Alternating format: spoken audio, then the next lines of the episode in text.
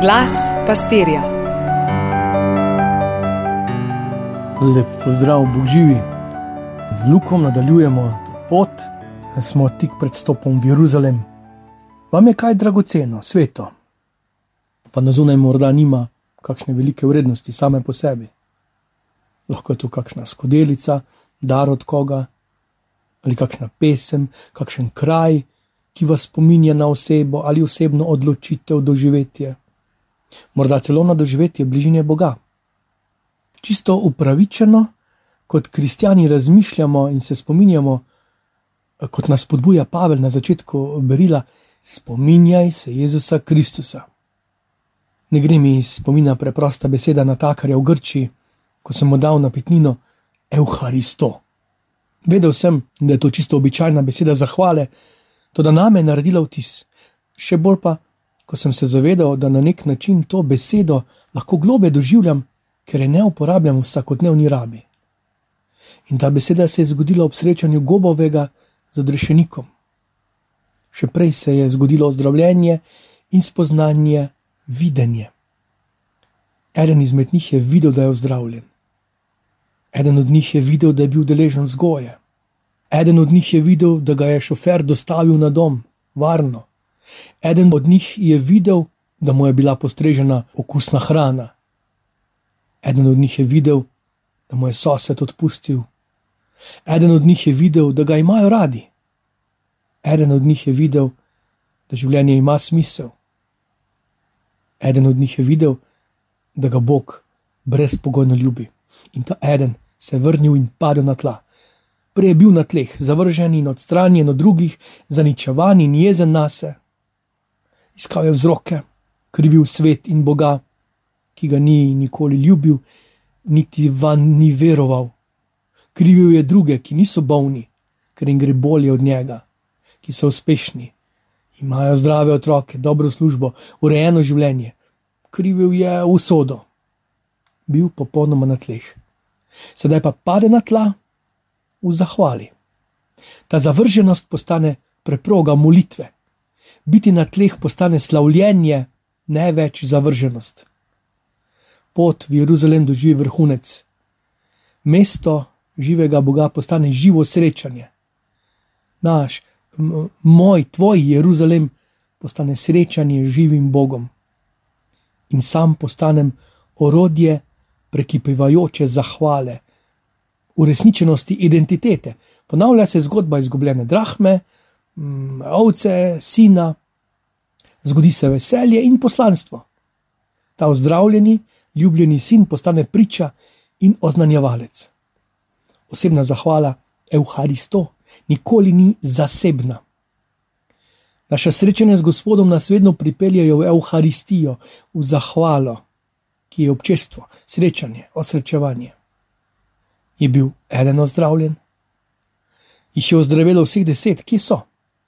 Kje so vsi tisti, ki so se nasitili čudežnega kruha? Kje so tisti, ki so se najedli rib čudežnega ulova?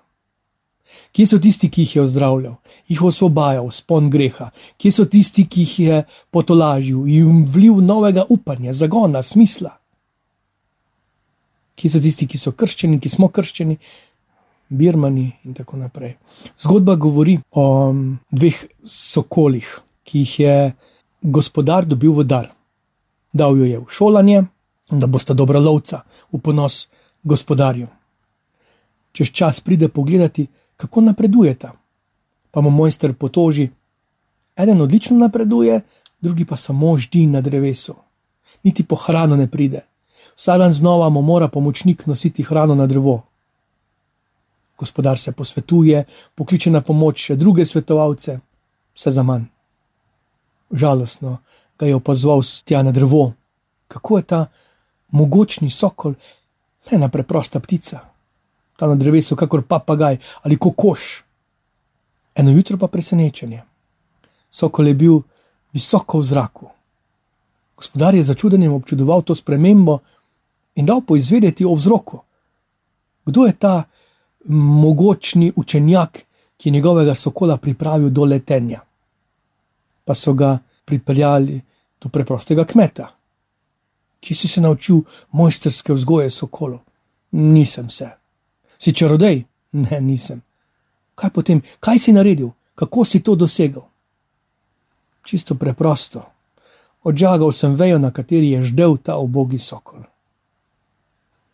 Prejšnjo nedeljo smo slišali, Gospod pomnoži nam vero, danes pa slišimo, pojdi, tvoja vera te je rešila.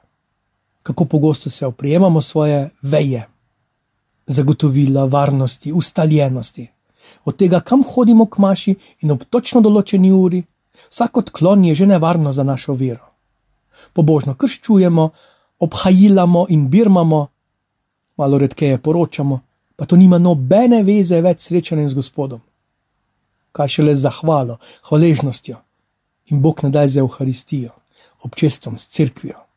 Razmišljam kot župnik o ugovoru vesti pred vsemi temi dogodki in dogajanji in ceremonijami. Lahko je celo, da naša vera pretveza, hlipamo za ozdravljenjem, pa potem med temi devetimi ozdravljenimi bezljamo po svetu. Čas, v katerem živimo, zelo drastično posega v našo krošnjo vere, obrezuje naše veje mogočne zgodovine krščanstva. Pa ne pozabimo, obrezuje se zato, da drevo obrodi, življenje pa prihaja iz korenin, iz globoke zemlje. Ne želimo ostati pri kozarcu vode, ki nam je bil podarjen. Želimo priti do izvira te vode. Tudi ne pri zdravju samem, ampak želimo doživeti bližino ozdravitelja, tistega, ki ozdravlja, njega, ki je ljubitelj in izvor življenja samega. Vam želim blagoslovljen teden in obilje čudežev pomnožitve vere. Vse dobro.